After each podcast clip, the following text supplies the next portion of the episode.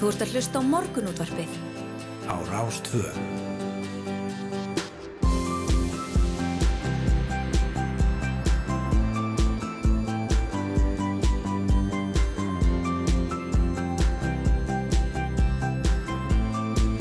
Morgunútvarpið Á Rástvö. Já, við bjóðum góðan dag hér í morgunútvarpuna Rás 2 Snæra Sendardóttir og Yngar Þór Björnsson með ykkur til klukkan 9 og ef mér skattast ekki þá er 5. dagurinn 9. júni í rauninu Það liður átt þessa dagana. Já, það gerir það, Já. að áður við vitum að vera komin jól Já, ég held að það sé nokkuð ljóst með að við hraðan á þessu þessa Mm. dagana. Eh, en svona fallur sumar morgun eh, vísværunandi. Ég var að hugsa það í gær, nei, jú, í gæringar að því að við hérna erum búin að vera hérna í morgunútvarpinu sem teimi í sjö mánuði aðeins er yfirlega það uh, þá var ég að hugsa uh, að við, þegar við vorum að greina frá því að Omikron væri nýtt afbyrði koronavirunar hvað mann finnst stutt síðan Já, en hvað það hefur ótrúlega margt breyst síðan þá. Já, já. þá vorum við að tala um, að vorum við að hræða ekki fólk vorum að segja hérna, já, en það er mun vægara Mm, jafnvel tíu svona vægara heldur en önnur afbyrði og svo Einmitt. og enginn vissi neitt. Nei, nei. Og tíminn líður furðulega þegar það er svo mikið í fréttum. alveg svakalega. Og um, við ætlum að fara vitt og breytt í þættinum í dag. Við ætlum að byrja í hveragerði. Já, einmitt, við verðum svolítið í hveragerði í dag en uh, við ætlum að byrja því að tala- fjalla eins um Hamarshöllina. Sveitistunna fólki í hveragerði ber ekki saman um stöðu hallarinnar sem að eidilaðist í kröftur í lægði í vetur. Hamarshöllin var líka helsta bitbenn flokkana í síðustu sveitistundakostningum og nú ganga orðsettingar og bryggstum óvöndu vinnubröð og milli fórustu fólks frambúðana sem koma til með að vinna saman í bæjastjórn og nýju kjörtímubili. Það maður hingja austur fyrir, fjall og ræða við söndru Sigurðardóttur Oddvita okkar hveragerði sem komið er í meirulöta. Jú, jú, eh, og síðan eins og við mörg tekið eftir þá er eh, verð á matar og drikkjurvörum, það er hækka verulega. Eðum alltaf tæp 17% á 7 mánuðum. Þetta eru niðurstöður verðlags eftirlits ASI nú verði hækkað í öllum þeim átta vestlunum sem könnun ASI náði til. Og talsmaður samtaka vestlunar og þjónustu sagði í fréttum í gær að þessar aðstöður í heiminum væru fordæmalösar og við ætlum að ræða verðhækkanir í vestlunum og, og svona spá í það eh, hvort þetta haldi áfram við auði Ölfu Ólafsdóttur verkefnastjóra verðarlags eftirlits ASI. Æmitt. Og svo er það knætspinnan. Jú, jú, áhugum í fótbolta verður haldið í Katar í november, svona óvennilega tími fyrir okkur Íslandingar til að fylgjast með fótboltamóti. Já, mér finnst þetta ekki gott. Nei, fólk hefur misjafna skoðunar á þessu. Þetta gæti reynst ágætt svona í, hérna, í skamdeginu þegar dimma og, og, og hérna fólk er að leita einhverju til að gera, einhverju til að lifta sér upp. Já, akkur að breyta kveikja á, á Þýskaland, Frakland og, og hérna, Eins og segi, akkur að breyta ykkur sem hefur bara já, gengið svo vel hinga til. já, já, nákvæmlega. Í, í þetta skipti er það heiti náttúrulega í Katar vantilega en uh, HM mun kosta Katara skildingin og beinar tekjur landsins vagna mótsins verða sára litlar. En það heyrðir FIFA því næst uh, já, sem allar tekjur sem heimsmeistarmóti fylgja. Og móti verður því öllninginum reki með gríðalegu tapi fyrir Katar. En hvers vegna eru leiðtór landsins þá að standa í þessu? Björberg Gunnarsson, deildastjóri greiningar og fræðslu í Íslandsbanka ætlar að koma til okkar og svara því. En hann skrifaði greiningar þar sem að fór yfir þann ávinning sem Katar ja, telur sig hafa af því að halda mótið. Einmitt. Í síðustu viku rættu við mönnumanda landsbytalans við forstjóran Runálf Pálsson og í kjölfari skrifaði Regina Ásvaldsdóttir sviðstjóri velferðarsviðs Reykjavíkuborgar færslu á Facebook þar sem hún talaði um mikinn mönnumanda sem væri í velferðarkerfi borgarinnar og að það myndi litlu skila að útskrifa sjúklinga af landsbytalanum ef ekkert tæki við. Við ætlum að ræða þessi mönnumál við Reginu upp úr hlukan átta og kannski svona leita svara við því hvað er hægt að gera. Já, nákvæmlega. En átjóðaferð áfengis og tópaksveslun ríkisins leggst hart gegn frumvarpi dómsmálar á þar sem heima, heimilar ja, mikrobrugg húsum að selja afur sína í smásölu frá framlösustað. Eh, Já, en mitt fyrirtæki segir meðal annars, að segja átífaver í umsöksinni um frumvarp ráðurhans að þessi augljósta smásölustöðum áfengis hér á landi muni stórfjölga verði frumvarpið á lögum og að það líki beint við að neysla áfengis muni aukast með augljósum neikvæðum samfélagslegum áhrifum. Við ætlum að ræða andstöðu átífaver við Laufið Sif Lárustóttur, formann samtaka íslenskra handverksbrugghúsa. Þau eiga mikið undir því að frumvarp ráður að verða að lögum. Já, Og svo er það í lokin, tvö mál vegna ágalla á framkvæmt síðustu alþingiskostninga hafa komist í gegnum fyrstu síu mannreitnda domstóls Evrópu. Málið er, eins og hlustundur muna mjög vel eftir, tilkomið vegna endurtalningar í norðvestu kjördami sem breytti niðurstöðu kostningana, hafði áhrif um land allt á frambríðandur. Við ætlum að ræða málið við Magnús D. Nordal lögmann sem fer fyrir öðru þessara tvekja mála. Já, við ætlum að gera það hérna í lok þáttar um það vil korter í nýju. En það er rétt að fara örstuð yfir fórsýður bladana. Hér á fórsýðum morgunbladsins er rætt um það að ég er ansókn á flugslýsun á Þingvallavatni fyrir á þessu ári. Það er þegar flugul fóst á fjórum menn innanborðs hefur verið í fullum gangi. Þorkjell Ágúrsson, rannsóknastjóri flugsvið sjá rannsóknanemnd samgönguslýsa, við morgunbladið að um, bráðabyrða niðurstöður væru vantanlegar fljótlega, líklega í þessi móniði. En spurju hvort að rannsókninu væri umfangs meir en búist að við, svaraði því neitandi. Sama ferli hefði verið í þessari rannsókn og öðrum sem nefndin tækist á við.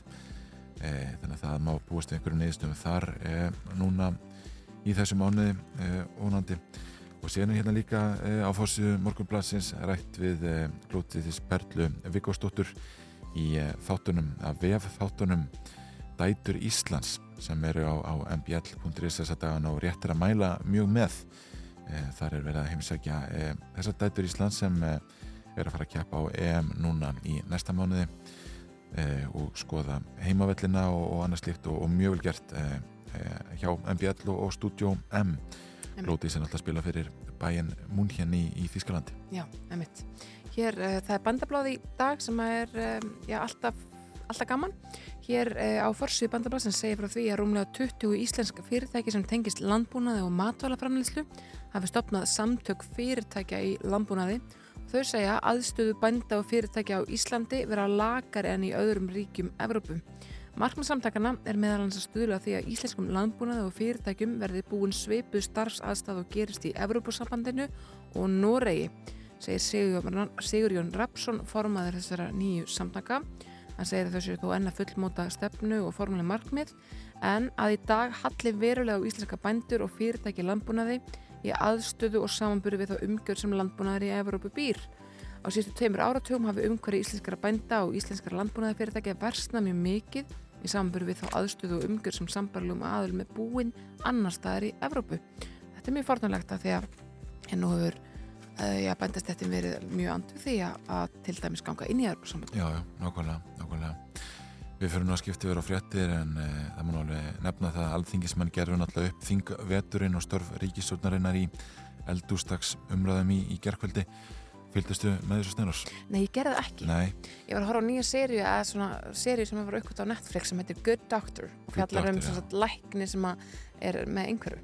Já, einmitt, ég hef nú eitthvað hýrt um þetta þetta e, hérna, það er nú alltaf gaman að fylgjast með eldústags umræðanum líka. Já, já. E, Þú getur bara að horta það á, á, hérna, á sarpinu með eða í sapninu já, núna hérna í dag. Ég teka það spilaranum. Já, ef við ætlum að skipta yfir á fréttastofuna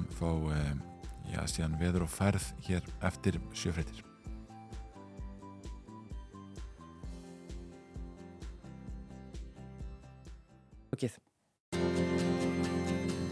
Þú ert að hlusta á morgunútvarpið á Rástvö.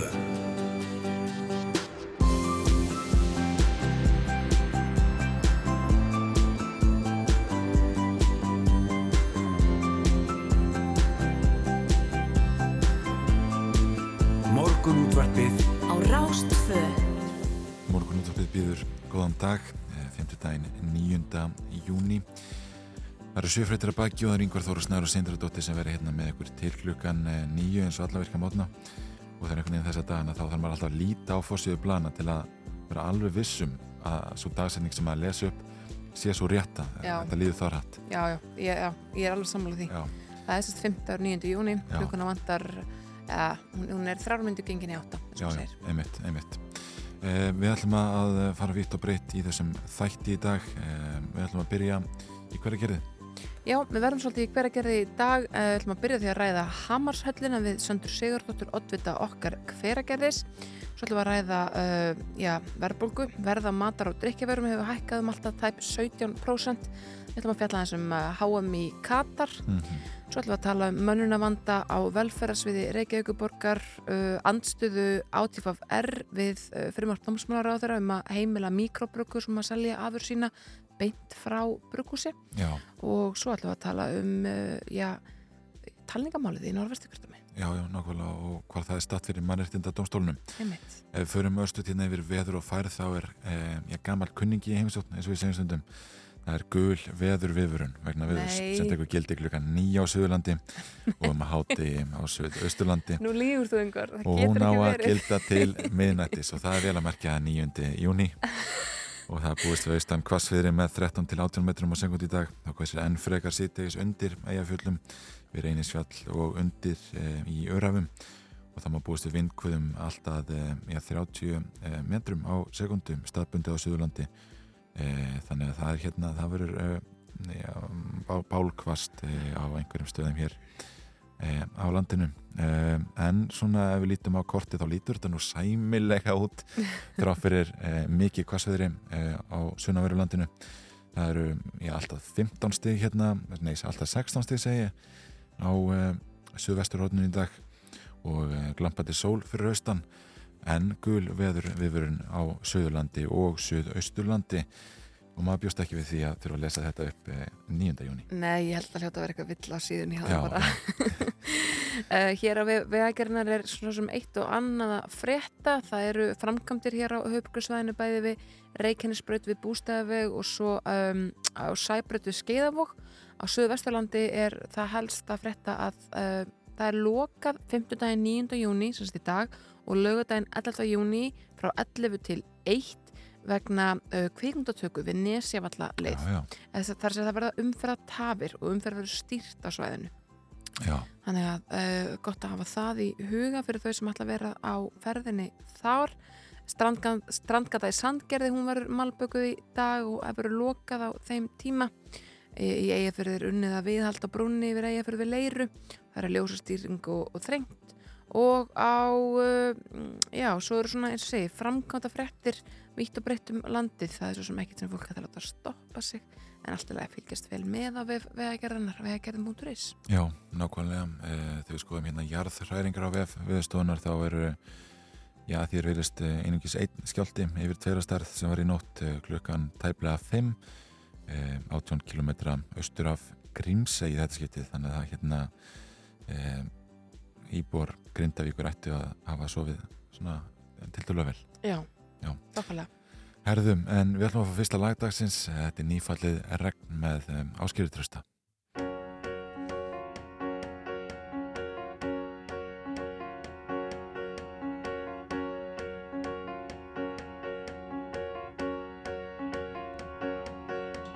Glimur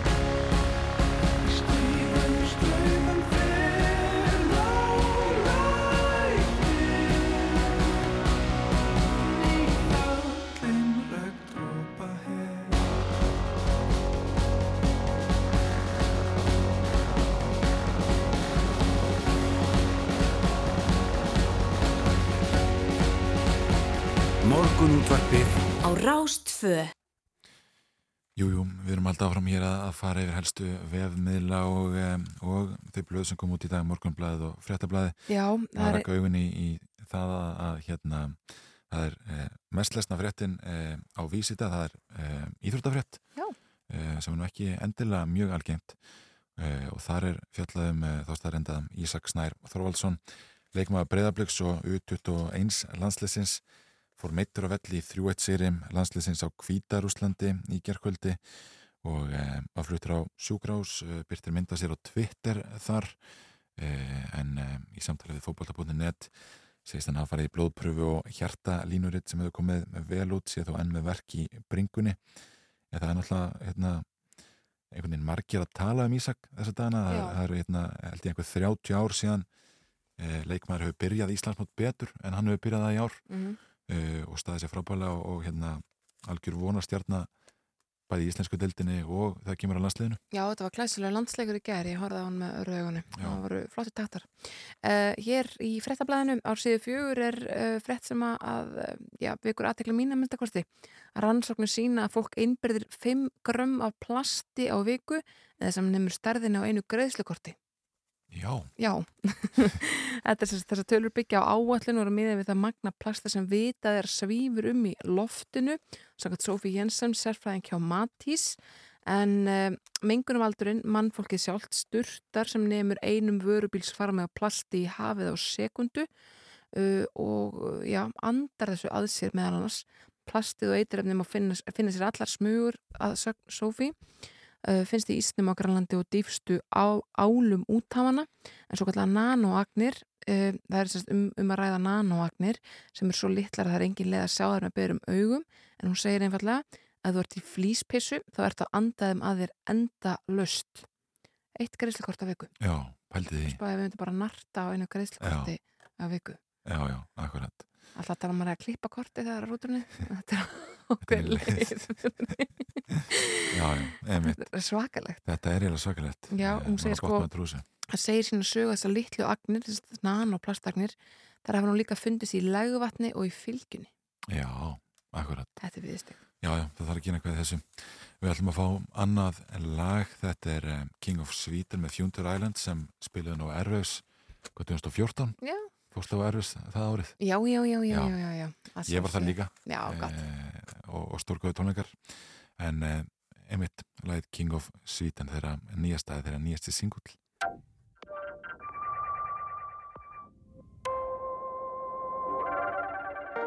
I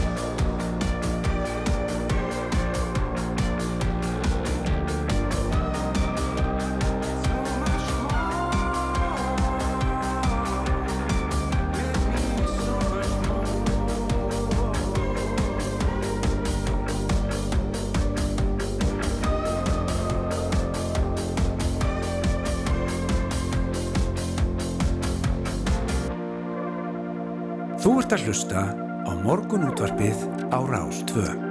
Jú, jú. Vennin er svo að svona, uh, það lægir aðeins öldurnar eftir kostningar á milli stríðandi fylkinga en uh, það er ekki staðan í, í uh, hverja gerða sem hefur blásið hressilega vegna Hamars hallarinnar sem að eðilegast í kröfturi lægði vetur. Er komin á línu hjá okkur Sandra Sigurdóttir, oddviti okkar hverageðis. Vertu, vertu sæl, góðan daginn. Já, góðan daginn, góðan daginn. Sko, það hafa gengið orðsendingar á milli uh, ykkar í meirulutunum annars vegar og, og uh, fráfærandi uh, fráfærandi meiriluta hins vegar og, og fráfærandi bæjarstjóra um það hvar mál Hamarshallarinnar er statt, þetta var svona helsta bitbennið í kostningunum ja, hvað er satt og hvað er lögi í þessum hefnum? Já, Uh, við hefum í rauninu bara, eins og segju, allar tíu gaggrind í rauninu bara vinnubröðin við ákvarðanatöku í Hamarsallunni en ekki Hamarsallunni sjálfa. Og hérna og gaggrindin var sem þetta okkar halvu að, að það var ekki tekið upplýst ákvarðan um hvað kostur skildi velja eða, eða hvað kostur voru skoðaðir. Og hérna og við sögum á síðan tíma að mögulega Hamarsallun bestu kosturinn en við veitum það ekki að því að þá verðandi meirleiti neyta að skoða fleiri möguleika. Mm. Mm. En hins vegar er staðan svo leiðis að við höfum sagt að dúkurinn uh, hefur ekki verið pantaður en kauptilbúið var undirritað að hálfu bæjarstjóra en það var undirritað eftir að tilbúðstíminn rann út og í kjölfarið átti að gera kaupsamning um hvernig dúkurinn skildi afhendur og svo leiðis og, og greiða 70% af uh, inná en það hefur ekki verið gert og ekki leita leiða til fjármagnum og heldur þannig að En þessar upplýsingar höfum við rauninni bara e, frá dúol eða framlegandanum sjálfum að því að við höfum kallað eftir þessum upplýsingum en engin gögn er vistu undir málinni í, í málikærum bærins og, og, hérna, og það var erfitt og erfitt að fá upplýsingar um þetta því að það lág ekkert fyrir og, og fráfærandi bæjarsfyrir svara ekki e, tölvbústum sko með það fyrnis. Já. Aldís að hérna í, í, í viðtalið við vísi ekki að það var ekki hægt að komast hjá þeirri stærnanda núverandi meira hluti vildi ekki höllina og því sé sko einhvers konar viðsnúningur framsóknar og okkar hver að gera þessi málunum með ólíkjendum hvað segir við því? Já það, já, það er bara alls ekki rétt og eins og ég sagði hérna upp á því að þá sögðu það sínum tíma að það gæti vel verið að Hamarsvöldin væri bestu kostur en við veitum það ekki. Og hérna af því að við, við fengum ekki e, tækifæri til að skoða fleiri kosti og hérna, þannig að við höfum allatíð bara gaggriðt áðferðina og, og vinnubröðin í þessu máli ekki hamarsöldana þannig að, en það var vissulega uppi fyrir tíu árum, þú veist að, að hérna, það voru ekki allir sáttir á, á þessa fjárfyrstingu og hérna, en ég meina þá var, þá var hann meira með uh, bara hvosinn, þú veist, af íbúum og, og við verðum að vel un, unna þeim ákvörðunum sem þau taka því að það er bara það bara líður að virkar þannig sko. Mm -hmm. þannig að nú höfum við tíu ára reynslutíma og við höfum séð hvernig hann virkar og, og hérna og margt gott og að sjálfsögðu þú veist, var liftusteng fyrir bæjarfélagi að fá hamarsöldina en það hefði líka hvert annað íþróttús verið þannig að hérna, sjálf hef ég sjálfa það inni bara í allan annan tíma og starfa mjög mikið innan íþrótturhefingarinnar þannig að, að hérna, hún reyndist okkur vel en En, hana, en nú höfum við tækifæri til þess að endur skoða og skoða hvað hva, hana, er best stöðinni og hana, en nú, og, segi, en, en við gerðum það, við, við heldum það í, í alvöru og bara í hérstu okkar að það væri búið að panta dúkin og, og hamarsöldin væri bara að fara upp. Mm. Og, en við sögum það í kostningabarátunni að, að við munum skoða hvort að hægt sé að leita annara leiða og, og skoða fleiri möguleika eða koma ekki til bara koma ekki niður á tímanum, framkvæmda tímanum af því okkur finnst mikilvægt að koma upp aðstöðu sem fyrst. Mm. En er ekki, en, en, nú er grunnurinn til og hann, hann byggir á því að ja. þarna sé svona upplásu íþartahús frá þessu fyrirtæki, ja. sko eru það að fara að leita annar leiða og jæfnvel reysa eitthvað svona grindahús, er það ekki einmitt að fara að koma niður á tímanum, er það ekki óhjákamilagt? Eh, sko við höfum sendt út og við gerðum það, eh, hérna, við höfum sendt út tekningu af drönunum og, hérna, og þannig að og við viljum reyna að nota grunninn og, og það var hugsunin í upphafi hvort það væri hægt að nota uh, grunninn og, og setja stálgrind ón á það mm. uh, nú bara eftir kostningar, ég menna við tókum við 30. Uh, mæ og núna eftir kostningar og, og hérna, þá höfum við sendt út teikningar af, af grunnunum og, og erum að, að, að, hérna, að fá tilbóð frá tveim ræðilum.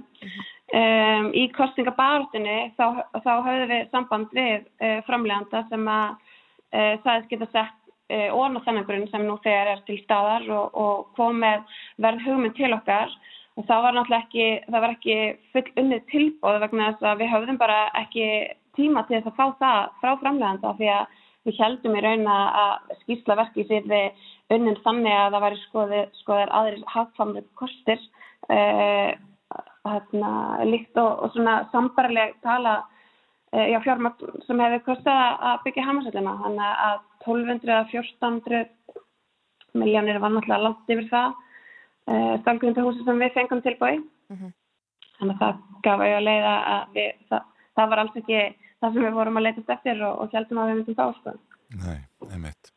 Um, Það er eitt hérna við bæðföldur og sjálfstæðarflóksins líka um, um, hérna á vísi og, og, og þar spyrja þeir hvort að Gagrín og Hamarshöllina hafa engungu verið sett fram til að slá reiki og kjósenda og til að þyrla upp mold viður í eigin þá með það að markna að vinna kostningarnar Já, sko það voru náttúrulega, sko Hamarshöllin var í rauninni ekkert eina kostningaefnið í, í, í þessari barótu, sko. Það, þannig að það er svolítið búið að, að, að, að málast ámynd upp og að þetta hefði einhverjum snúist um, um Hamarshöllina. En málflutningur hefur breyst svolítið?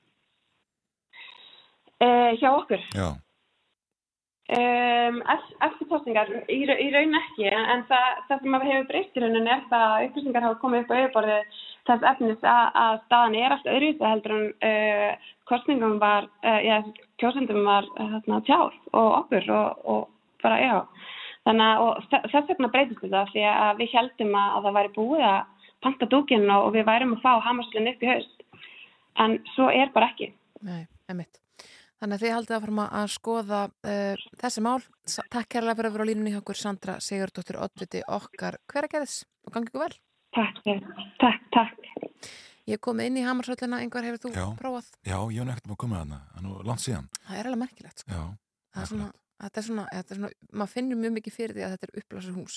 Já, akkurat, og, og margir einhvern veginn sem hérna, svona sögur kvæljur þegar það kom frétt með fyrirsögninni að Hamarsvöldin væri fókin á hafút eða eitthvað slíkt, en e, þá var hann hægt að ná í dúkin Já, já, hún... ekki, ekki út á haf, heldur, heldur eitthvað aðeins nær, nær Já, hérna, hún sprakk bara í, í einhverju óveðri hann Já, einmitt, einmitt, já, já og það er gul veð við verum á Síðurlandi eins og við höfum aðeins nefnt hér. Ó, ekki minnst það ógráðandi En við ætlum að fá eitt lag og fá síðan eh, fréttaflýtt klukkan hálf átta.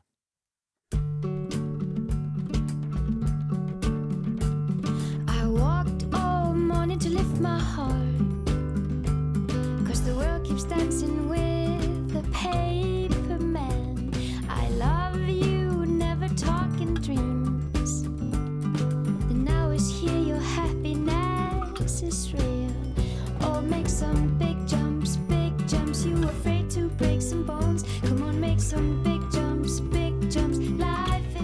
You hold your head up, your head up high like you think I do.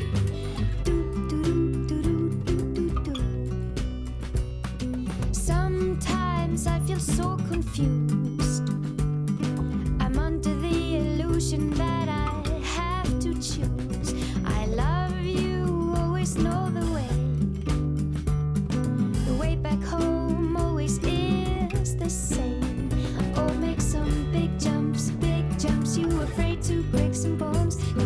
Some big jumps, big jumps. Life is yours alone. You hold your head up, your head up high like you think I do. Do do do do do do do. Tick tock, this clockwork will stop. You're the key for winding up my heart. Brick brack, if you don't wind me up, the sky will lie upon me like a passed out drunk. Without you, I would never rise again. Without you, I would never rise.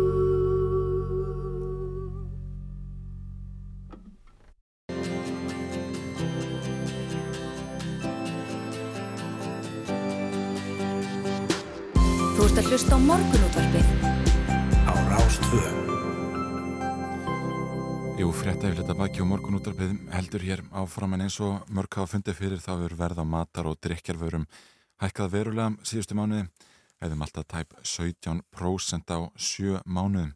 Þetta er niðurstöður verðlags eftirlits ASI og verkefnastjóri verðlags eftirlitsins auður Alva Ólafstóttir er hinga komin, góðan daginn. Góðan daginn.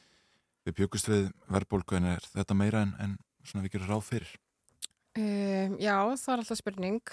Um, þetta kannski kemur ekkert gríðalega óvart svona meðan, já, bara meðan við hérna, þessi myndan er gengið og, og eins bara vegna stríðsins en, en jú, svona miklar hækkanir, þetta er kannski svolítið óvænt en þetta er bara í samræmi, eða niðurstöður kannunarinnar eru í samræmi við hækkun á vísitölun Ísluvers, þannig Já, Einmitt. En þetta er samt umfram uh, sko verðbólgu, verðbólgu fengum 7,5% eitthvað svoleiðis og, og þarna erum við með 17% í maturunni. Já, uh, hérna matur hefur verið að hækka mjög mikið núna bara síðustu 3-4 mánum uh, og tölvert umfram, umfram almenna verðbólgu.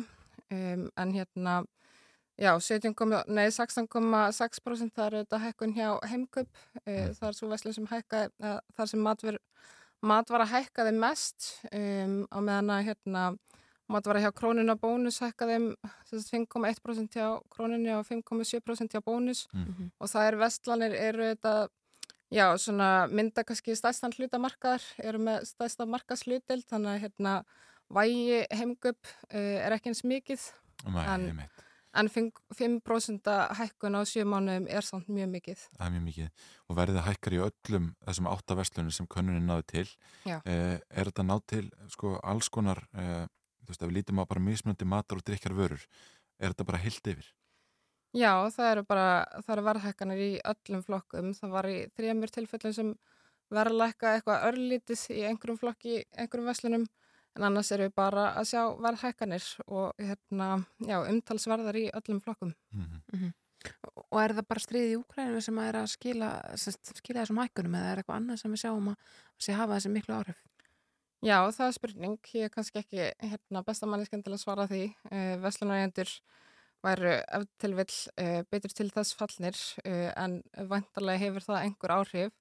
En svo er alltaf spurning hérna, já, upp að hvaða marki á að skila svona hækkunum á kostnaði út í verðlag og við höfum svona talað um það að verð hafi hingað til og í COVID hækkað mjög mikið og hérna verðhækkanir hafi ekki gengið tilbaka þrátt fyrir styrkingu gengis og svo framvegis þannig að, hérna, þannig að það ætti ekki verið þörf á svona miklum verðhækkanum. Mm.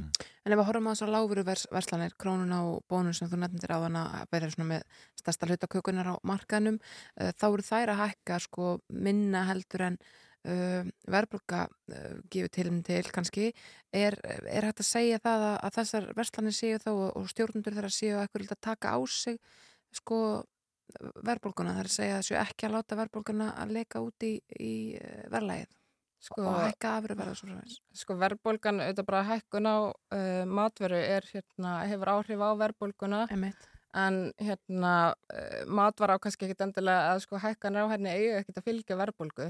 Þess að það er ekki tenging þarna á milli um, en hérna já þetta er samt skrýðalega hækkun og, og hérna mér sýnist að hérna, þessar veslanir séu að velta þessum kostnaði Mm. uh, að, já, allavega miklu leiti út í verla. Já, og hafi ekki lækkað verðið uh, svona með, með hérna gengi styrkingu e- eftir faraldurinn. Nei, Nei, en, en ef við lítum aðeins til framtíðar sko, blasir við að, að verða matar og drikkjar verum hækki enn frekar. ég ætla rétt að vona ekki, en það er auðvitað erfitt að segja. Þannig, maður veit ekki hvað, hvað gerist með þetta stríð og eins bara hvaða ákvarðanir þessar veslanir tak, taki um verðlagningu. Á ASI í einhverju svona samtali við uh, fors, vars, þessa, þessara verslana, þessar svona hafðu þetta samfélagsæra ábyrðar eða eitthvað slikt. og bara svona óbeinu samtali gennum fjölmila hefurlegt Já, Já, og svona meira á þeim vettvangi sko það er ekki Já. þannig að þið ringið og segja, já, heyrðu ekki hækka mjölkina meira en þetta. Hvað sér þau? Þið ringið ekkert í þau og byggðum um að að sl- sleppa því að hækka hækka Nei, kannski ekki beint, nei, einmitt. ekki þannig en Ja. við þetta hérna gerum þessar verkanir til þess að veita þetta aðhald sem er mjög mikilvægt Já, já, það er hérna, það er fyrirlöstur á vegum samkeppnis eftirlitsins núna í, í næsta mánuð það sem uh, samkeppnis eftirlit uh, ímissa Evrópuríki að koma saman og, og ræða málin og ræða það hvernig sko samkeppni nýtist í barunni gegn verðbólgu og, og fyrir auknum kaupmætti uh, vantar meiri samkeppni inn á, á matveru markað til að stemma stigu við verðhækun. Ég held að það sé alveg á hreinu sko. Uh, maturumarkarinn ber mjög mörg enginni fákeppni uh, og við getum bara að segja það. Ég meina það er náttúrulega ein verslun sem er lett myndar gólfi í verðlagningu og hinnar uh, verslannar eru ekkert að fara fyrir neðan þá verslun í verði og samkeppni virðist vera miklu meira á einhverjum öðrum basis en verði uh, bara varandi þjónustustig og, og svo bara hérna, já, er mikil markasenningi á þessum verslunum, svona meiri kannski hjá þessum lágur verslunum en hérna uh, en verðum að sjá í öðrum löndum. Og það er til dæmis bara áhugavert að sjá að bónus sem er hérna svo verslun sem að já, eru veld með lægsta verðið uh, að þeir eru búin að lengja opnunartíma sinn í mörgum búðum sem maður myndi kannski halda að vara ekki eitthvað sem að lágverðverslun myndi gera sko. Nei, Mhm. einmitt. Mhm. Þannig að það er einhvern veginn verið að berjast um, um annað en verðið. Já, það lítur svolítið þannig út sko. Já, Mm. einmitt. Hérna verið nokkrum árum síðan þegar Costco komin á markaðin hafa talað um eh, sko mikil Costco áhrif og, og uh, jarðabæra bændur á Íslandi höfðu miklar áhugjur af afkomu sinni og svo framvegis um, þið það mælið ekki Costco hérna inni en, en uh, má ekki ætla að, að þeir séu ekki að bjóða betra verð á matur heldur en þessar verslanir sem að, að hér eru nefndar Uh, við byrjum hérna, tókum Costco einu sinni inn í könnun og málega er að veru úrvali hjá þeim er bara svo óbúðslega ólíkt Já. uh, og hjá hennum maturvæslunum þannig að þeir eru, já, hérna, eh, bara ekki alveg svona, hvað ég segja, ósamanbyrður hæfir bara Mm. já, þannig sé sko, en hérna, sanginnisafstiliti hefur fjallað um þetta, hvort að þess að þetta áhrif Costco á maturumarkaðin og þeir tala um að hérna, já, það sé ekki, ég er að vera full svona, hvað ég segja, uh, staðkvæmt á milli þessara vestlana þannig að Costco séur en verður ekki veita það mikið aðhald kannski aðeins hérna gagvart þessum lágvaruverðsveslunum en að þetta sé ekki, já, fullir saman bara hæft Nei, einmitt.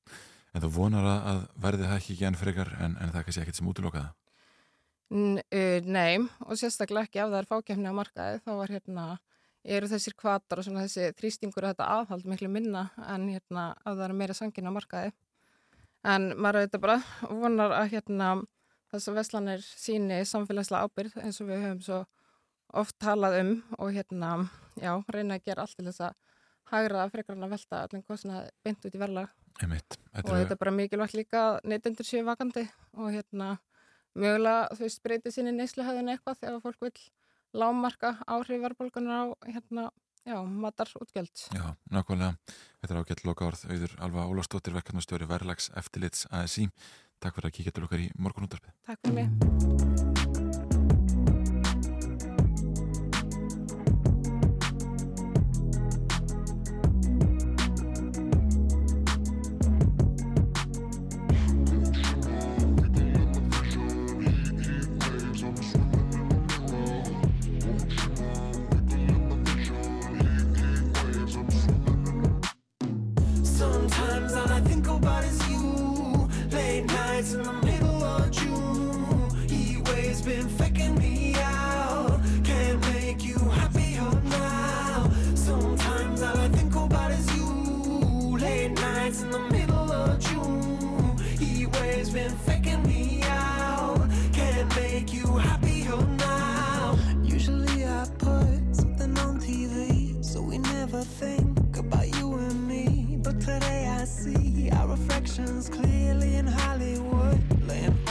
On the screen. You just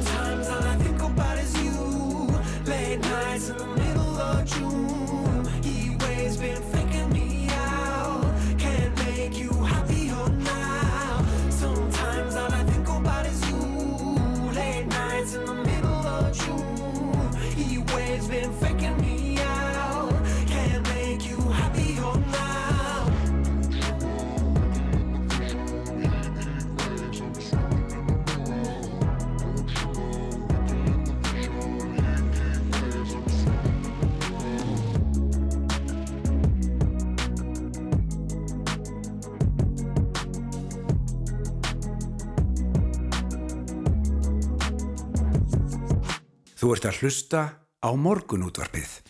Á með- Rás Jú, tvö. jú, á Rás 2 nákvæmlega Ég treytist ekki á því að, að póta einhverjum orðum þarna inn á milli. Snærós. en þetta var Heatwaves með Glass Animals en í fótbolta fyrir haldið í Katar í november og mun, eh, já, Kosta Katara skildingin og beinar tekjur landsins vegna mótsins verða sára litlar og, og það má spyrja sig já, hvers vegna eru leitóar landsins að standa að þessu og Björberg Gunnarsson deildastöru greiningar og fræðslu Íslandsbankar hinga komin, góðan daginn Góðan daginn.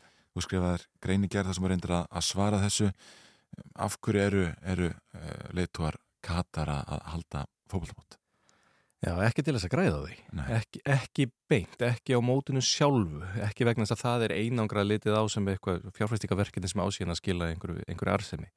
Heldur er það þannig að stórmótum í íþróttum er mjög uh, agressítt beitt í pólitísku tilgangi og stundum er sá pólitíski tilgangur uh, innanlands. Við sjáum hvaða leiðtóður það eru sem að hafa sóst hvað mest eftir því að halda ólimpíuleika og sérstaklega hins eftir mót Karla í, í knatsbyrnu. Það eru harðstjórar, einræðisherrar eða uh, leiðtóðar sem uh, vilja standa breyðir á íþróttavelli, uh, taka í hendunar á öðrum þjóðleiðtóðum og svona sanna það fyrir uh, heimamönnum að, að, að þe- þetta gáttu þeir gert. Já, já. Þetta, þessu gáttu þeir Brasiliumenn, uh, rússar, kínverjar, kasakar, Azerbaijan, Egyptar. Það eru þessi lönd oft sem að, og einmitt Katar og uh, Arabíulöndin. Uh, það virðist oft vera samhengi á millið því minni, minna líðræði í landi því meiri áhuga að halda stórmót. Já, Síðan eru auðvitað hinn ástæðan sem e, þar sem við verðum að setja þetta í samhengi við aðrar aðgerður og ákvarðanir Katara, sérstaklega Katara, núna á undarförnum árum og áratugum, sem er fjárfesting í um, því að byggja sér upp orðspori gegnum íþróttir og sérstaklega gegnum fótbolta. Uh, Katar á eitt mest áberandi og frægasta og vinsælasta knastmiðli heimita sem er Paris Saint-Germain í, í Fraklandi. mm. Leið sem aldrei hefur nokkur sem geta neitt í fótbolta. Mhm. Þannig séð á alþjóðavísu, en þeir séðan bara keift og það auðsið í það ólíu pinningum frá Katar, kaupi besta fótboltamann í heimi og, og, og uh, svo fer maður í smáralindin og bara annarkur íslensku krakkir í Parísan sem hann treyju og með þessum hætti vegna þess að knatsbyrna hefur í augu þess að fólk svo óbúslega jákvæða ímynd um, bæði í fjölmiðlum og, meðal, uh, og í, í alþjóða pólitík en líka bara hjá einstaklingum út um heimallan að þá er með þessu beina eignarhaldi bara hreinlega verið að kaupa sér góðvild út um allan heim. Þetta er þá annar hluturinn á, á ástæðinu sko, hversum þau verða fjárfæsta í knaspinu en hitt er af viðskiptalegum ástæðum. Og það hefur stundum endurum og sinna, þannig að yfirleitt er sagt og hreinlega, ég leifum bara að segja bara logið af fólki í löndum að þetta muni allt saman skila svo miklum mikill ávöxtum vegna þess að það vera svo margir sem gist á hótelum Mhm. sem er algjör vitlisa en stundum hefur verið sagt veist, veistu, við verðum, Suður Afrikumenn til dæmis, mjög gott dæmi um það, heldur hinsturum út í fótbolta og sögðu við viljum bara hreinlega sína um heiminum að Suður Afrika er nútímalegt land sem getur gert svona lagað. Mhm. Þar sem að, að, að uh, gríðala flókin risaverkefni geta verið haldin með, með uh, almennilegum hætti um, a- fyrirtæki í landinu geta tekið þátt í framkvæmdum og allt mun ganga smurt og eðlilega. Þannig að þetta er líka í nástaðan og Katarar hafa svolítið verið einmitt að leggja áherslu á þetta það sé hægt að eiga viðskipti við þessu lönd nákvæmlega eins og, eins og nákvæmlega þeirra í Dubai hafa lagt mjög mikla áherslu á. Mm. það er alveg hægt að koma með peninganga það er hægt að eiga í viðskipti við okkur. Sjáu þið bara. En eru þessi áhrif ekki eitthvað letið ofmetin? Ég minna að börnin í smáralind veit ekki að Katar eigi þetta lið eða að þetta sé allt saman með Eh, ef, við fylgjumst með um, nágrunum Katara í Sáti Arabíu þá var það land að kaupa uh, svona eitt af sögufræðari liðum í, í Európu sem er Newcastle. Og núna sér maður breytinguna sem verður þar þar sem stuðningsmenn þesslið sem eru taldir í miljónum eru jafnvel farnir bara að verja yfirveldi Sáti Arabíu með kjátt og klóm. Mm. um, Abu Dhabi, sömulegis nágranna Katara, keftu Manchester City, Manchester. Þar sér maður það að ef einhver hallmælir Manchester City eða yfirvöldum í Abu Dhabi á, á samfélagsmiðlum, þá mætir herin, sko, stuðnismanna Mhm. og byrjar að, að, að vísa í einhver ofnverja tilkynningar frá Abu Dhabi. Ég og eitt svona kunningi og það er voðalega sorglegt að horfa upp á þetta. Já. En þetta er svona.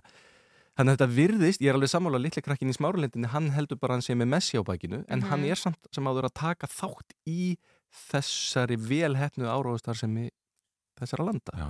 En er peningurinn ekki farin að skipta bara alltaf miklu máli í fótboltanum eh, þegar eh, þessi ríkjur eru farin að og einhverjir, hérna, einhverjir auðkífingar úr þeim eru farin að kaupa heilu fótboltaleiðin til að, til að svona, hérna, resta þessu upp á ímyndina. Jú, svo sannarlega og það er meiri hátar vandamál hversu erfitt ætlar að reynast að finna einhverja lausn á því vandamáli. Mhm. það, það er sjálfsagt vandamáli í, í því og, og það er engin niðurstæða komin í það. Það er Nei. einhverja reglur svona um það að, að það verði að vera í lægi með viðkomandi eigendur. Svo ég takki dæmi um það hversu illa slíka reglur og meiri sér nýja reglur sem settar eru að hafa virkað er það að við kaupin á Saudi Arabíu, þegar Saudi Arabíu kaupi Newcastle, breytir varabúningi Newcastle núna fyrir næsta tímabil í Saudi Arabíska landslýsbúningin þetta er ekki, það er ekki verið að fjölda mjög mikið að þá fylgir því lofurðum það sem að ennska knansbundu sambandi gefur út að Sáti Arabíu mun ekki með nokkrum hætti tengjast þessu liði. Þannig að þetta er alveg augljóslega að það er verið að, að um, skauta framhjá Já, já. anda þessara regluna. Svona hvítvátt. með þeim, með þeim hætti að þetta er bara ekki Já. í raunin að virka og með stórmóta þá, þá er einmitt þá vonandi mun það breytast hérni frá vegna þess að það var ákveð á sama tíma að heimsæstaramót skildi haldi í Katar og Rúslandi Mm. 2018-2022 og afleðingarnar af þess, þeirri ákvörðun eru bara brunarústir og, og, og sviðin jörð hjá alþjóðknarsambandinu FIFA Mhm. vegna þess að spillingin í kringum þetta var að slíkur í stærðagráðu að það var ekki hægt að haldinni falinni. Mhm. Það, það, það hafa slíki dómar fallið og neykslismálin og þau hafa komið á færibandi. Mhm. Engin þeirra sem tók þátt í þeirra ákvörðun er ennþá að vinna í knastbyndu reyfingunni Mhm. formlegum hætti hjá, hjá FIFA. Sko eins og yngvar nefndi hérna áðan þá uh, eru beinar tekjur Katarar af heimsmestramótinu litlar af því að FIFA hyrðir nánast allar tekjur heimsmestramótsins. Hvernig stendur á því? Já, það er nefnilega mjög áhugavert. Uh, Það er vegna þess að alþjóðknarsbyrninsambandi FIFA notar heimsættaramóti í fótballtessin sína einu tekjulind. Allt annað sem, eh, sem FIFA gerir er ekki með tapi. Öll önnur heimsættaramót, heimsættaramót hvenna, ennþá er ekki með tapi, eins merkilegt að það er, þó þáttur að það sé að vaksa. Öll önnur heimsættaramót, öll önnur félagslega mót, all, öll starfsemi sambandsins. Þannig að allur rekstur og allir þá styrkir sem að eru millifæri til okkar Íslendinga út um allan heim, þeir byggja allir á því hversu vel gengur að halda hinsættarmóti í fótbolt og fjórar á fresti. Mm. Og þessi lönd sem jætnvel aldrei munu keppa á hinsættarmóti en hafa sama atkvæðavægi og Þískaland og Brasilia sem alltaf eru á hinsættarmótum, þau hafa þau þá hagsmuni að reyna að, að kjósa með þeim hætti og beita sínu áhrifavaldi þannig að sem mestar tekjur fáist frá heimsistæramóti. Þetta er, Mhm. svona er struktúrun á þessu í Mhm, dag. mhm. Uh, Þetta verður til þess að peningarnir ráða ekki bara miklu, þeir ráða bókstaflega öllu hjá uh, alþjóðsambandinu FIFA. Allar ákvæmlega sem eru teknar eru með það í huga að auka uh, peninga. Hvort sem að þeir eru settir í búningssamfélagsleira ábyrður eða eitthvað slíkt, þá snýst þetta allt um peninga. Vegna þess að það eru margir aðilar að sækjum að fá að halda mót, þá segir FIFA, þá getur FIFA gert þessar kröfur. Mhm. FIFA um, fær sérstakar, fær að setja sín eigin lög í landinu sem er alls í magnað. Já, já. Ég veit ekki um margar einingar eh, eða mörg hérna, sambund sem meiga gera þetta út um allan heim. Uh, hefur einhverjum an- öðrum tekist að leifa áfengisölu í Araba heiminum heldur en FIFA? Þetta er, þetta er algjörlega magnað. FIFA uh, fær allar auglýsingar, með þessi auglýsingar sem hengdur eru upp á flugvöllum í landinu verða í eigu FIFA.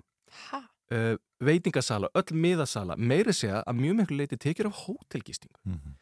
og hvað ætla löndin að segja sem að, sem að endilega vilja fá að halda þetta ætla að segja nei, Mhm. þá fá þau ekki háum og einhver annar heldur það Það eru með þess að tekjur af hótelgistingu sem er enna til FIFA þá á þessu móti. að talsveru leiti, já, Já. talsveru En, en leiti hvað með rekstraðalega þessara hótela? Ég meina, þetta er ekki hótel í ofnbörum eigu. Nei, þetta er í rauninni gert og þannig að, að FIFA er í rauninni eh, ákveðna liti ferðarskristofa Mhm. þannig að, að fólk sem er að fara þanga það kaupi pakka af FIFA, þú ættir að fljúa frá Argentínu til að fara á kaupi gistingu og miða og jættvel flug Mm. og FIFA er ferðarskristofan sem heldur utan um þetta en auðvitað er hluti sem fer síðan til.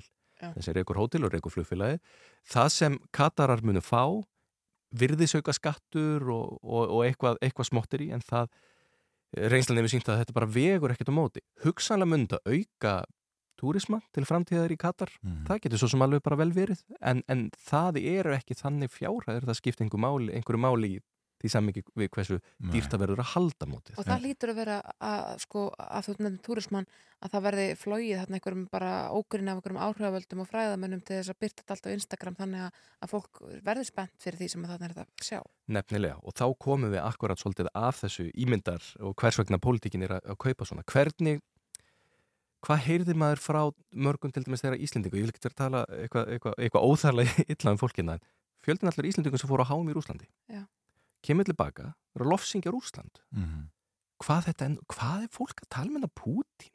Hvað, fólkið er bara allt, það er allir bara brosin. Þetta er bara eins og fólk sem að fer og er inn í einhverju gyrðingu og kúpu og kemur síðan tilbaka og bara hvað er það að tala um? Já. Fólki hefur það bara fín. Þannig er markmiðinu náð að miklu, miklu leiti. Já, já.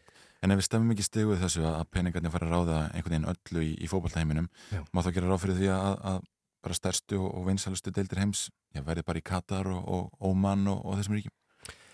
Já, ég held að ég held að við séum að sjá það því miður að það tekst ekkert að stoppa þetta og, og það eina, eins, eins merkilegt og það nú er. Hverjir eru í rauninni virðast vera þeir einu sem eru að taka þátt á móti móti þessum aðilum í að, að kaupa upp þessu lið það er einhverju bandarískir business kallar. Það eru, það eru þeir, svona þeir aðilar sem eru búin átt að sjá því að það er hægt að græða því að, að, að reyka íþróttalið í bandaríkjunum Mm -hmm. eru byrjar að kaupa íþróttalið í e e Evrópu og farnir að græða þeim eru þess vegna tilbúinir að, að borga þokkalegt verð en e, aðrir aðlar eins og Abu Dhabi og, og Katar og fleiri sem eru að fjárfesta í, í fókbalti í Evrópu eru ekki að gera allir að græða peninga af því og þess vegna verður ákveðin svona ójöld samkeppni í þessu en þetta er alveg rétt, þetta er vandamál og það tekst ómögulega að, að stoppa þetta með einhverjum hætti. Þannig að þetta verður væntalega þróunin. Að það verður meira og meira og meira og meira um það að íþróttum verður beitt í pólitískum tilgangi að 120 ára gömul klassísk eh, íþróttalið og um alla áluna verði í eigu þjóðuríkja og jættul einræðisríkja eh, annars staðar í heiminum. Og svo spyr maður sko hvenar hvenar mun það stoppa? Mhm. mun einhver allt í einu standa upp og segja heyrðu nú er ennska úrasteltina hálfu í eigu sátt í Arabíu, þetta er orðið ágætt. Já. Eh, eða Kína búið að kaupa helmingin í ítölsku deildinni, ég, ég svo sem Nei, veit ekki nei, nei, við komumst ekki lengra í þetta skipti, þetta er mjög áhugavert Björberg eh, Gunnarsson deildastöri greiningar og fræðslu um Íslandsbanka. Takk fyrir að koma til okkar í morgun útvarpið. Takk fyrir. Við ætlum að skipta yfir í áttafrettir, heyra hvað fréttastofan hefur að segja og komum svo verðum spóri hér í Þú ert að hlusta á morgunútvarpið. Á Rástvö.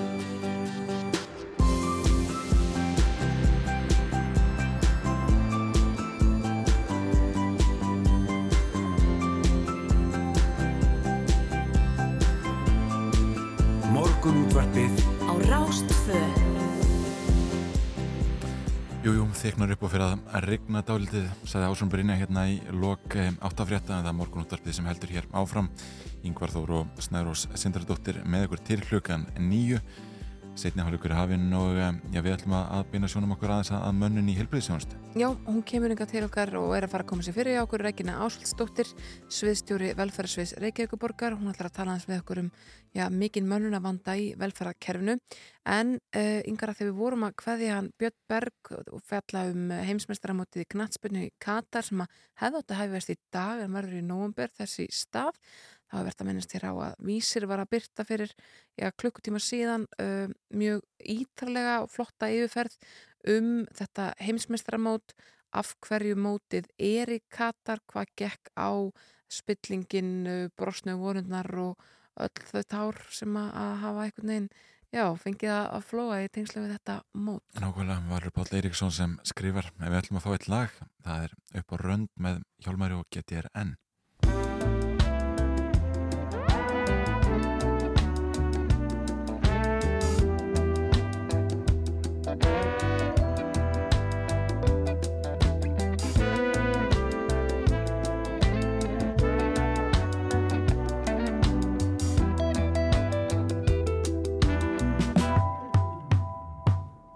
Það má himinn ver og haf, breytt á milli þó alltaf, ertu fjörður minn og fjall í einu. Þó að fjúki fast á rík, ert að fegur innri rík og í brjósti slæð þitt hjarta reynu. Líkt og æxlist ósjálfrátt, mínir hafið blátt og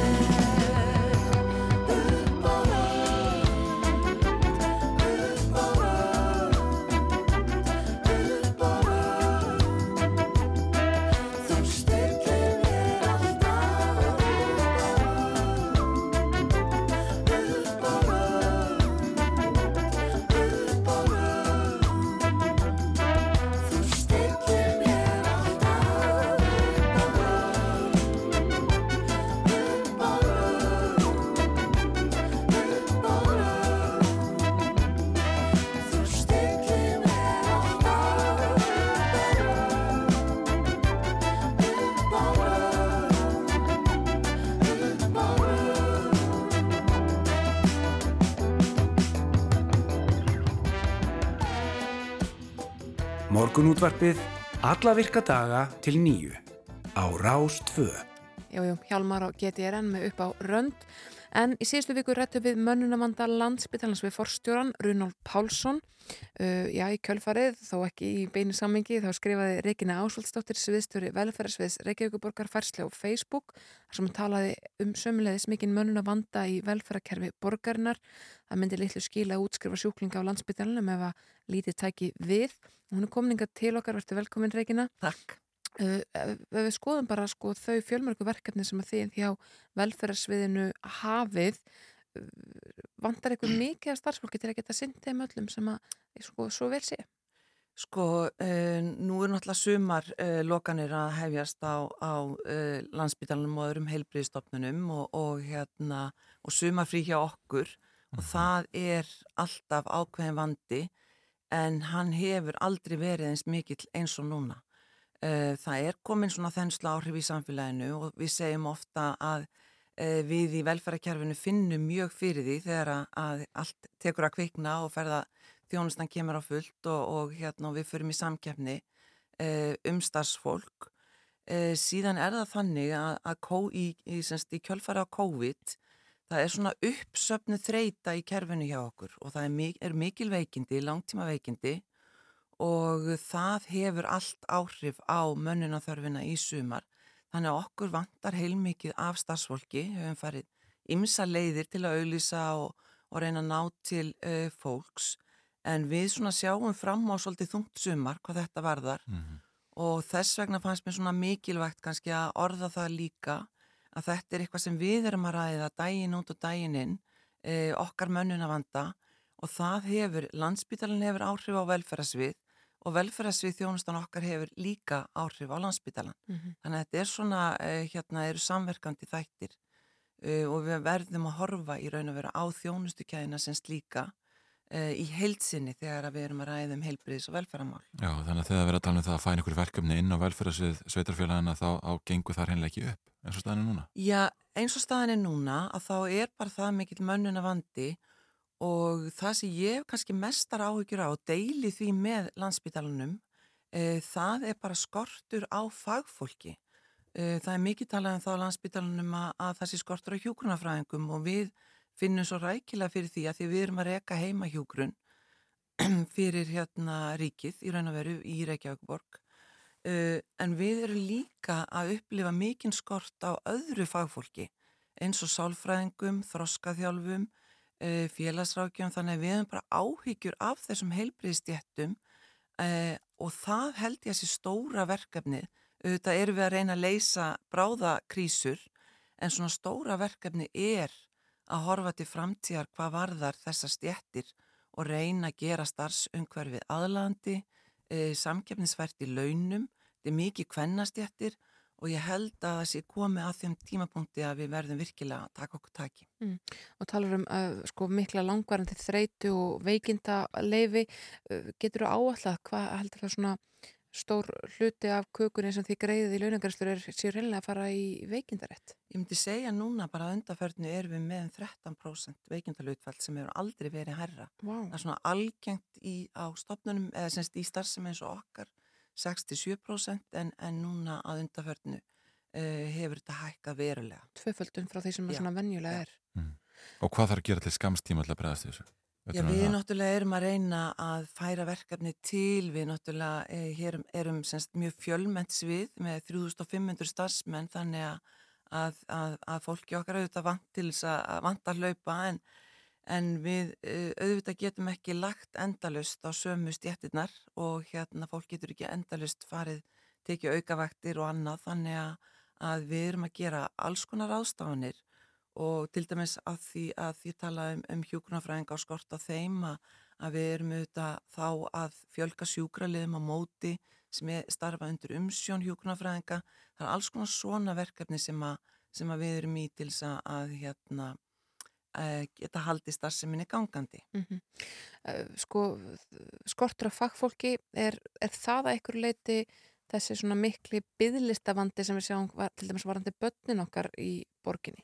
Já, við hérna, það er náttúrulega bygglista, þetta hangir allt sama, það eru bygglista líka inn á ríkistofnanir og, og, og hérna eins og uh, greiningastöð og, og fleira en uh, okkar bygglistar til sálfrænga uh, hérna það kemur fyrst og fremst til þess að okkur vantar uh, fagfólk. Mm. Við fengum fjárveitingu til þess að kaupa uh, sálfræði þjónustu svona aukalega. Við hefum ekki getað nýtt hana alla til þess að stýtta niður bygglistana vegna þess að það er bara mjög mikil eftirspurn eftir sálfræðingum líka í engar ekstri. Þannig að þetta er svona uh, hérna, stórvandi sem við stöndum fram fyrir og verðum einhvern veginn að leysa. Hvar kreppir skóin, mest? Er, er það í öldrunum þjónustunni, er það í geðheilbreyðsmálunum? E, ég myndi segja sko það sem við náttúrulega stöndum frammi fyrir núna til skamstíma er þjónustan okkar í sumar í heima hjúgrun og heima þjónustu og inn í búsutukjörnum. Mm. Það er svona, er, er, finnum við mest fyrir svo þurfum uh, hérna hugsalega skerða einhverja þjónustu í sumar. Vi, við reynum auðvitað, gera það ekki. Til langstíma litið og mesta álægið á kerfinu okkar er vegna geðheilbrist þjónustu uh, á Íslandi. Við finnum verulega fyrir því, til dæmis þegar það er lokað áttaplás löð niður á geðdeldinni fyrir, e, fyrir svona cirka halva ári síðan, e, sumarlokanir á geðdeldinni og bara almennt þessi skortur á geðlækningum bæði hjá fullornum og börnum. Þannig að, þetta hefur veruleg áhrif, ekki bara vel fyrir að sér Reykjavíkuborgar heldur á bara sambarilega þjónustu um allt land. Já. Þú nefndir hérna áðan að að það þurfti mögulega að skerða þjónustu í sumar. Hvaða þjónusta er það nákvæmlega? Við náttúrulega, við sem sagt, eh, hérna, það er þá aðalega þrýf sem að við einhvern veginn myndum forgangsraða þá síður heldur en annari þjónustu. Mhm. Svo erum við auðvitað þjón að þróa ymsa nýjungar eins og skjáheimsóknir sem að, að hérna, til að mæta þessu uh, hérna, eh, svona þörfinni til frambúðar að þá eru við voru til með 1550 skjáheimsóknir til eldri borgara í fyrra og ætlum að tvöfalda það núna og þá er það semst teku hjúgrunafræðingur eða sjúkraliði viðtal í gegnum skjá e, í staðins, stað þess að fara í heimavitjun og, og ræður um lífja e, mál og annað. Mhm. Þannig Og bara það er hvernig hefur það í dag og allt þetta. Já, já, það Já. er eitthvað sem að, að, að við munum gera í vaksandi mæli. Mhm. Aftur að þessum geðheilbreyðsmálum, þú sagðir að það bara, þið finnið verulega fyrir því þegar það lokar átt að plássum á landsbytalanum eða sumarlokaninu eða svo framins. Sko, hvar finnið þið fyrir því? Er það í hópi heimilslausra eða er það í einmitt heimahjúkurinni? Hvar er í keðjun ykkar finnið þið verulega fyrir þegar að geðheilbreyðsmálin eru ekki í lægi á landsbytalanum? Sko við finnum auðvitað fyrir því að eh, hérna í, í til dæmis í neðarskilunum okkar. Já. Bara í dag erum við með fólk þar sem að við teljum að þyrti á innlögn að halda og miklu þjættara utanumhald. Við finnum fyrir því utanumhaldi líka, mm Mhm. eh, gagvart fólki og svo finnum við verulega fyrir þessu eh, í tengslum við batna og úlingageðtild og, og hérna þjónustuna þar að langir byðleistar og, og sem hefur bara mjög alvarleg áhrif vegna þess að einhver stað þurfa börnin að fá þjónusta meðan eru að býða og þannig að það auðvitað kemur að fullum krafti uh, inn til okkar Mm. og, og hérna þannig að það er svona uh, það er markháttaður uh, hérna, eða sem byrtingamyndin er markháttuð.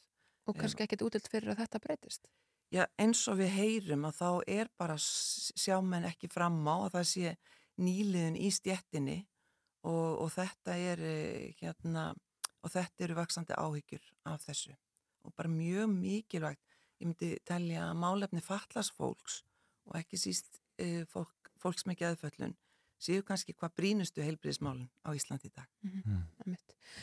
Um, ef við uh, sko veltum hans fyrir okkur einmitt, uh, sumarið, við vorum að tala um að þið þurftu kannski að skerða þjónustu og svo framvegis en ef við horfum svona lengra yfir sviðið uh, eru við ekki bara einfallega að fá á Íslandi Þur, þarf okkur ekki að fjölga mér líður eins og við sem alltaf að tala um það hér þessum já. þetta Til þess að geta rekið upp eh, rekið sem Já. sagt heilbriðistjónustu og Já, í Ég- gegnum þessar svona þegar að það er hafvöxtur og þegar vel gengur í samfélaginu og fólk vil fara að vinna eitthvað annað við þurfum einhvern veginn að geta komist í gegnum þá skapla ekki satt. Jú, og, og þá þarf við þetta fyrst og fremst að- að huga að í raun og verið starfsumhverfi og launakjörum þessara fjölmennu uh, stjætta sem að starfa í heilbriðskerfinu og velferðarkerfinu. En uh, hugsalega má, má veltaði fyrir sig hvort við séum að fá í sérhæðustu þjónustuna. Já. þannig að, að hérna en ég held að svona fyrsta skrefið er að uh, horfa til bara mentunar, nýliðunar og, og, og svo starfsumhverfis þessara stjætta. Ég meit. Þetta verður að vera að loka orðin eh, Regina Ásvaldsdóttir sviðstjóri velferðarsviðs Reykjavíkuborgar. Takk fyrir að kíkja til okkar í morgunundarpið. Takk sem leiðis. Við ætlum að fá eitt lag og fara síðan að, að skipta yfir á eh, já, fréttastofuna hér hvað á hverju, en eh, við hefum eftir að fara víða í þetturum í dag. Já, emitt, hún kemur yngur til okkar laufið Sif Lárusdóttir formaður samtaka íslenskra handverksbrugghúsa. Hún ætlar að, eh, já, ræða um það að átífaver áfengis og tóbaksverslun ríkisins leggst hart gegn frumarpi tónsmálar á þeirra sem að heimilar mikrobrughúsum að selja afur sína í smásölu frá framleiðslu stað. Já, já, og síðan er það málið í norðvestur kjördami, það er hérna, eh, ætlum að ræði Magnús T. Nordal Lögmann sem, eh, já, er með mál þarna fyrir mannréttin domstól Evrópu. Já, og komst ekki ekki um nálar augað.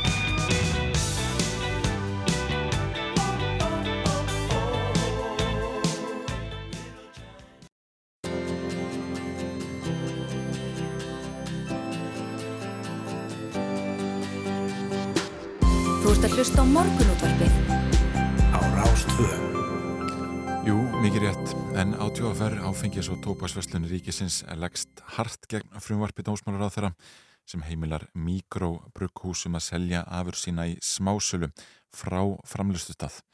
Nú fyrirtæki segir meðal annars í umsöðsinnum frumvarp að ráð þeirrans að augljóst sé að smásölustöðum áfengis hér á landi.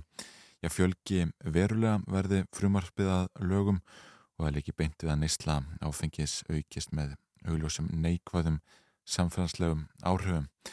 Nú eh, löfi Sif Lárustóttir formaður samtaka íslenskara handverksbrukkúsa er hinga komin, góðan daginn. Já, góðan daginn, takk fyrir að fá mig. Þið eigið tölvert undir því að þetta frumvarp eh, verða lögum ekki satt. Þetta geti orðið stór svona þáttur í ykkar tekjöflun. Jú, algjörlega, kannski ekki stór þáttur í hildar tekjum allra brukkúsuna en sannlega myndi liðka fyrir og bara upp á sínileika og, og gera þessum 25 handverksbrukkúsum sem í samtökunum er herra undir höfuð og þetta eru þetta löglegur yðnar sem borgar öll sín gjöld fyrir fyrir öllum reglum og það að fá að selja uh, framleiðslu okkar beint út af framleiðslu stað uh, myndi skipta miklu máli bara fyrir svona PR hliðina og Já, já. einhvern veginn. Ég sé ekki það að ég kaupi tvær dósir uh, í sumar á Beljanda á Breildaðsvík muni hafa áhrif á sölu átjöðaferð uh, setna mér. Nei. Ef eitthvað er þá mun ég fara í Vestlanir átjöðaferð síðan mér og kaupa meira af þessum tiltekna bjór og auka þannig sölu þessa örbrukhús í þessari brotættu byggð út á landi. Mhm. En hvað finnst þér það að átjóðaferð sé yfir höfuð að beita sér með þessum hætti?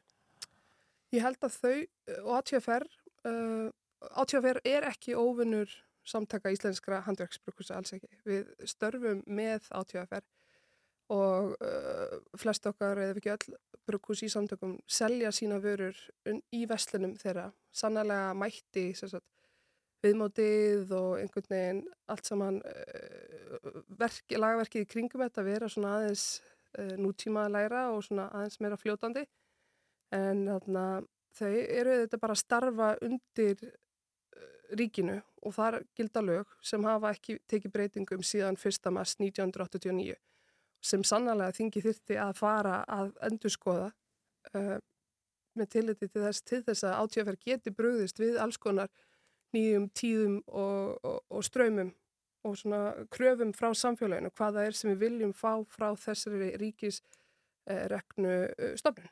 En er eitthvað til í því, eins og þau segja, að það liggi beint við að neysla áfengismunni aukast með augljósum neikvæðum samfélagslegum áhrif? Minna, er það sem að þið myndu vera að bjóða upp á frá ykkar, ja, beint frá bíli eða svona mm beint frá brukusi, er það eitthvað annað heldur en að að fólk geti farið inn á bari hverja gerði? Nei, bara alls ekki og, þarna, og bara fyrir okkarleiti að því við erum handverksbrukus, við erum einingis að tala um handverksbrukus hérna. Uh, ég veit nú ekki hvort við viljum fara í þessa salmana en ég veit það að um, í dag einu meðfyrastofnunum hér á Íslandi lang flestir sem eiga við áfengisvandumál að stríða sem eru þar inni og það, þeir eru ekki þar vegna það er vegna ofneyslu á léttvíni. Og þá aftur eru kominu að laga verkinu. Af hverju eru skattar og gjöld á bjór herri heldur en á léttvíni? Þetta er, þetta er svona hverstagsvara orðin. En aftur eru við sem sagt, að borga hvað hæsta skatta af okkar vöru. Já, já. Helmingur á verði bjórs á bar eru einhverjum skattur og gjöld þá er eftir að koma uh, hvað segir maður vinnuframlag, uh, ráfniskostnaður flutningsgjald frá þessum aðilum og þarna þetta er svona, já, þetta- nei, ég, ég kaupi þetta ekki alveg Nei, finnst þið bara stefnuleysi og, og afturhald sem er ríkja þessum áluraki?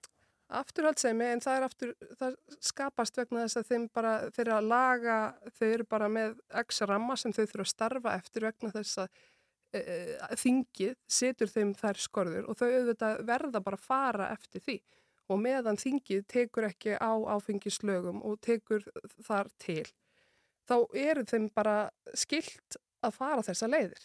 En sannlega, þú veist, höfum við átt öll brukusunum mjög gott samtal við um, á tjóðferð margóft og þarna en þau einhvern veginn bara eru með þessa lögfræði dild innan sinna stofnunar sem sannarlega verður bara að sinna sinni vinnu. Það getur vel verið að þeim langi að gera ímislegt sem að þau sjá að er þarft fyrir Íslands samfélag til þess bara að bara standa jafnfætis öðrum samfélagum sem við kjósum venjulega að bera okkur saman í öllum málum Mhm. en þannig að þau bara geta það ekki. Þannig að ef að þetta frumvarp sem að sannlega mun ekki komast í gegnum þingi núna, það er nú bara uh, þinglúk á morgun, þannig enn og aftur erum við að senda inn eh, umsagnir um frumvarp sem við vitum að kemst ekki áfram. Af hverju heldur að, hver heldur að svona hindrannar séu þar, meina, og hjá hvaða flokkum?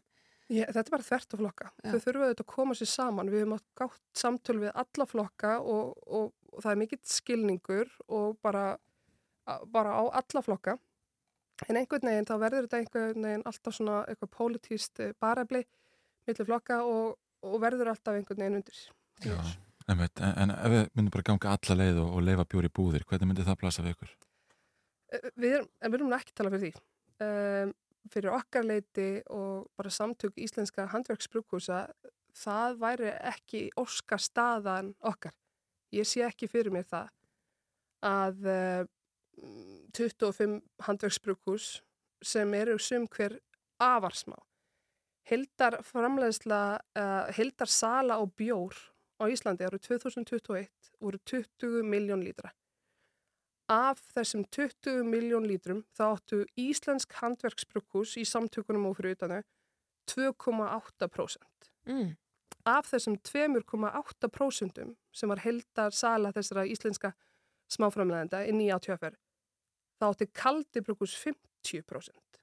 Þannig að eftir standa að hinn 24-25 brukkús seldu 1,4% af bjór af hildarsölu átjöfer árið 2021. Um, þetta eru, þetta, þetta eru smáartölur, mm. Veist, brukkúsið sem ég starfa fyrir framleiðir um 30.000 lítra á ári. Eitt, ein bruggun í stóru brukkúsi er 10.000 lítrar, Já. eitt skipti. Já, já. En þannig að ég sé ekki alveg að við öll þessi brugghús getum farið að standa í stappi við þessa, þessi stóru öll sem að verslanir eru. Uh, standa í röðum og reyna að koma öllum okkar vörum hratt og örugt inn í verslanir. Vegna þess að bjór eru þetta ferskvara. Þú vilt ekki drekka IPA sem er árskamall. Þú vilt drekka hann vikugamlan. Þú vilt fá hann beint af kunni sem er þetta framlýslustæðurinn. Mhm. Þarna eru við með þekkinguna inn á framlýslustæðurinn. Við erum með þekkinguna, við erum með ferska vöru uh, og við viljum auðvitað veita okkar uh, neytendum hvað besta vöru og upplifun. Og. Hvort heldur að þessi, sko, þessi gríðarlega litla prósenda sem hún nefnir hér um, og þá eru vantarlega sko bæði erlendir innfluttir bjórir og líka þessi svona stóru Mhm. ölgerðin og, og hérna víulfell sem eru með stærsta hluta kökunar Mhm. sko er það átíf af R sem að eh, hefur verið svona um, sko erfitt í taumi varandi þetta að þið fáið einfallega, einfallega ekki einhvern veginn meira pláss í búðum og, og fáið þar alveg ekki meira tækifæri til þess að selja já, þó, þó þau myndi ekki ná nefnum upp, í- upp í 3% af kökunni sko. Sko til þess að eins og eh, venjulega þetta eru þetta mjög flóki ferli eða svona ekkit svo flóki fyrir, fyrir komin inn í þennan gera að koma vörum inn í veslanir. En bara það til þess, þess að halda þér inn í kjarnavöru á tjófer sem er topp 100 af hverjum vor, vöruflokki um, þá þarf þú að vera að framleiða um 10.000 lítra af til dæmis bara lager. Mhm. Þannig að ef að eh, brugghús sem er að framlega 30.000 lítur ári vil komast inn í kjarna sem eru allar veslanir á TFR þá þarf, þetta viðkomandi brugghús að brugga einn þriði á allir sinni ársframlegslu bara í þessa einu tilteknu tegund til að halda sér þar inni. Þannig að auðvitað, þú veist, við erum með þannig vöru að við þurfum að koma inn í hratt inn og hratt út beint í neytandars.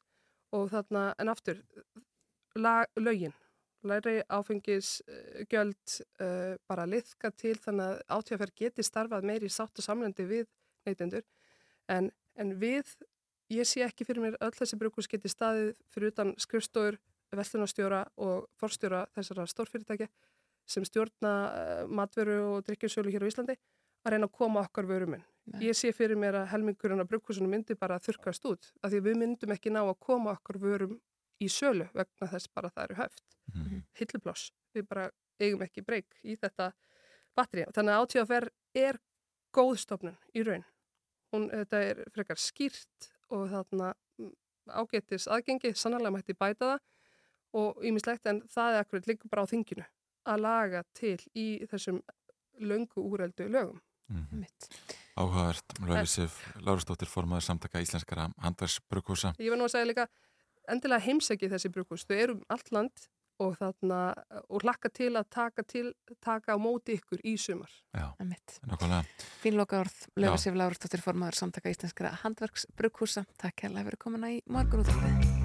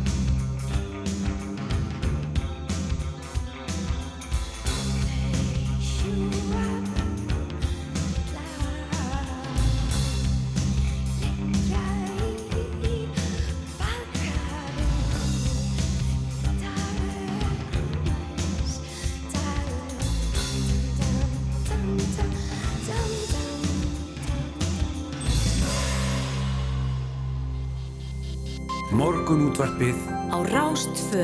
Jújú, áfram höldum við hér. Hann er komin inga til okkar Magnús D. Nordal lögmaður sem að fer fyrir uh, öðru þeirra tveggja mála sem að mannréttadómstóll Evrópu hefur hleyft í gegnum nálar auga sitt og varða framkvæmt síðustu alþingiskostninga. Við erum auðvitað að tala um talningamálið í norðvestur kjördami eins og, og alltaf hafari sem að fyldi því hér í haust. Vertu velkomin Magnús. Gaman að vera komin. Já, þetta sko þetta þýðir ekki þessi niðurstað sem kom frá mannréttadómstólum í gær þýðir samt ekki endilega málu verið tekið fyrir eða hvað?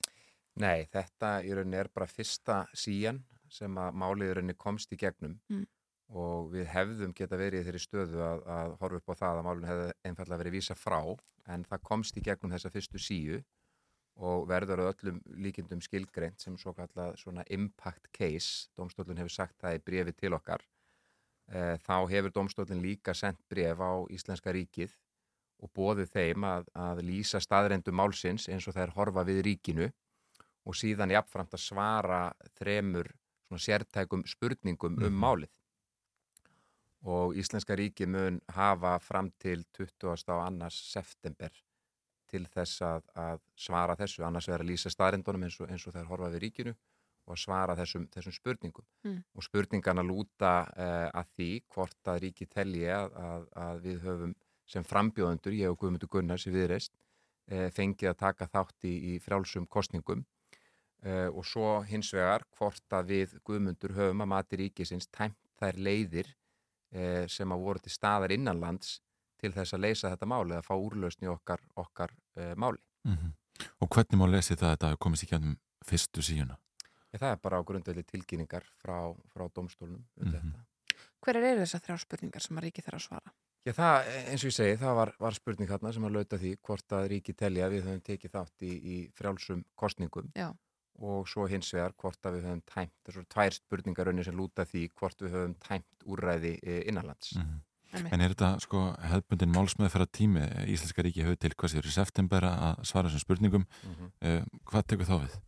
Já, samkvæmt uh, lögmanni mínum, þó ég sé lögmaður, þá, þá réði mér nú lögmann til þess að sjá um þetta, það sem ég hef nú, í, nú að, snúast sjálfur, sem er Sigurður Hilmarsson, Mhm. uh, formar lögmannafélags Íslands og lögmaður og eigandi á rétti. En mér skilst að, að ef að, ef að hérna, þetta fær svona forgangsmeðferð, að þá sé þetta svona hálft til, til eitt ár vonandi. Mm. En það er svo sem liggur ekkit fyrir og svo sem ekkit þetta að segja til um það, en það er svona eru væntingar þess efnis. En Svo þetta- getur verið. Þessi impact stimplun sem að, að þú segir að, að uh, svona dómsvöldin hafi gefið í skinn eða sagt að er þið svona líklega einhvern veginn stimplun að þessu máli. Hvað þýðir það nákvæmlega? bara hraðari, hraðari meðferð Já. Mhm. og það er rauninni domstólinn hefði geta sleppt í að senda þessar spurningar á Íslenska ríkið eða Já. kalla eftir lýsingu ríkisins og bara vísa málunum frá en, en gefur það rauninni til kynna að þetta verði svona impact case og Mhm. sendir þessar spurningar og brefa á ríkið samhliða Mhm. en það er svolítið áhugavert að hugsa til þess að, að við erum hér í dag að, að tala um þetta ennþá, þetta kostningar fóru fram fyrir hvað, tæpa ári, eða voru komið árun í haust allavega Já, september. og það hefði verið svo auðvelt að komast hjá þessu vegna þess að lögin okkar uh, þau buðu þetta upp á það á sínum tíma að leiðirétta þetta, við vitum öll, við þurfum ekki að fara við það hvernig framkvæmdin var í norðvestu kjörðum, ég held að allir séu meðvitaður um það. En lögin buðu sérstaklega upp á það að leiðirétta þetta og að bóða til uppkostinga í, í því kjördæmi. Lögin gerður ráð fyrir þeim möguleika. Uh, en, en alþingismenn eða meiri hluti alþingis kaust það að nýta ekki þennan möguleika til þess að leiðrætta það sem að við vitum að fór, fór miður. Uh, ef að það verið gert, þá væri við ekki hér í dag. Og þetta mál fyrir domstólum, það snýstu þetta um uh, svo mikið, þetta uh, valdið uh, sprettur upp, kemur fram, það stafar frá uh, kjósendum í líðræðislegum kostningum, það sem að kosið er til löggjafavalds. Löggjafarvaldi skipa síðan framkvæmdavaldið og framkvæmdavaldi skipa síðan dómsvaldi. Mhm. Þetta er aðtökum með aðkomi frá löggjafarvaldinu einni eins eins og reglurnar okkar eru. Þannig að heilindi kerfi sem sé heild eru undir og nú er þetta allt í skoðunar. Já. En kerfið okkar bauð líka upp á það að leiðrætta þetta og menn kusu það, menn kusu það að gera það ekki. Mm. E, auðvitað er það svo og það, mál þetta snýst líka og það er okkar helstu aðtöðasemdir að þeir sem að vinna kostningar uh, og, og hljóta brautargengi í kostningum að þeir skuli sjálfur taka afstöðu til þess hvort að kostningarnar hafi verið lögmættar og hvort þeirra eigið kjör hafi verið lögmætt það auðvitað gengur ekki upp og það höfum við bent á Mhm. Eh, er það mannlegt, þú vinnur í kostningum þú fjölgar þínum fulltrúum eða þinn flokkur fjölgar sínum fulltrúum. Viltu þá einhvern veginn stefna því í hættu? Eðlilega ekki, það er bara mannlegt að vilja verja það sem þú hefur, hefur fengið. En það er að samaskapi ósankjant gagvart öllum hinum. Mhm. og, og þetta er fyrirkomulag sem við ættum ekki að hafa. Eh, ég hef ekki orðið þessi áskinni að, að, að núverandi þing hafi eh, lagt fram einhverjar tillögur eða, eða lagabreitingar hvað þetta varðar til þess að leiðrétta þetta að þegar að þú ert óanaður með eh, kostningar og telur að þær hafi ekki farið fram með heðlegum og sangjöndum hætti þá áður þetta að vera einhver ákveðin leið til þess að bera það beint undir e, dómstóla frekar en að þurfa að bera það undir alþingi eins og stjórnarskrá okkar hveður áum í dag. já. ég get ekki séð það að menn hafi tekið þetta næjanlega alvarlega til, a, til að hlúa að þessum breytingum en ég vona bara að það veri gert. Já, þú nefndir við tölum ekki að þú deltir ágætist líkur á því að domstólinn myndi dæma þeirri vil og vísaði til eh, já, máls í Belgiu þar sem yfirvöld þar voru dæmt brotleg. Er það algjörlega sambarilegt mál? það er kannski ekki algjörlega sambarilegt en, en það er sambarilegt að, að, að þessu leitinu til að, að þar var það í rauninni lögjafarþingi sjálft sem, sem að tók afstöðu til þess hvort að e, kostningarnar hefðu verið lögmættar e, þannig að það er sambarilegt að því leitinu til og domstólinn fann að því e, þetta, þetta fyrirkomlag sem við búum hér við það virkar ekki eins og bara ef við horfum á þennan feril sem að, sem að fór fram síðastlið haust þá þarf enginn að efast um það að þetta kerfi virkar ekki og er ekki lægi. Mm -hmm. Alþingi sjálft á ekki ákveða þetta. Einmitt. Myndu býða með öndin í hálsunum þángar til að það líku fyrir að fullu hvort að MD ætlar að taka máli fyrir?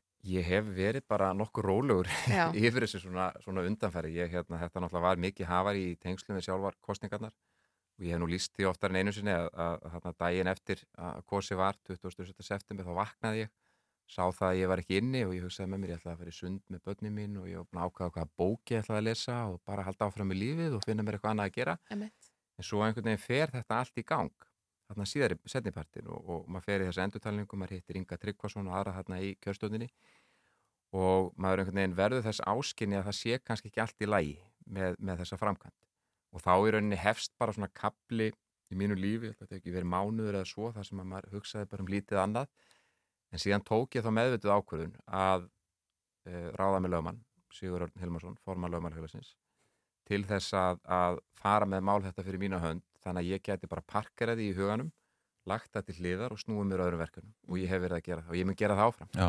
En auðvitað býð ég spenntur eftir nýðustuðni. Já, já. Ég held að við þurfum líka að parkera þessu verkefni yngvar sem er morgunúndarpi í dag og snúa bara öðrum verkefnum. Já, já, opnum þetta verkefni að nýju hér á morgun klukkan yes. 6.50 og verðum til nýju. Takk kærlega fyrir kominu Magnús. Gaman að koma. Og við þakkum fyrir okkur í dag. Já, við erum búin að fara við það í, í þætturum í dag. Við rættum hér við Söndrum Sigurðardóttur um stöðu Hamas Hallarinnar já. í byrjun þáttar. Það er, e, það er deilumál og, og svona hérna, mikil umræðan um það hvort að e, en nýr meirulhutti sé að tala eins núna að þau gerur fyrir kostningar. Með mitt svo vorum við líka þessi hver að gera þegar við tölum við Laufið Sif Lárusdóttur um já, andstöðu Átifaf R við fyrirmart dómsmálaráðara um mikrobökkurs. Nákvæmlega. Fórum við mönunavandan með Reykjunu Ásvaldsdóttur Björn Berg um heimsmestrapmóti í knatspennu og verðbólku um matarkörfuna. Já, en við þökkum fyrir samfélginni í dag.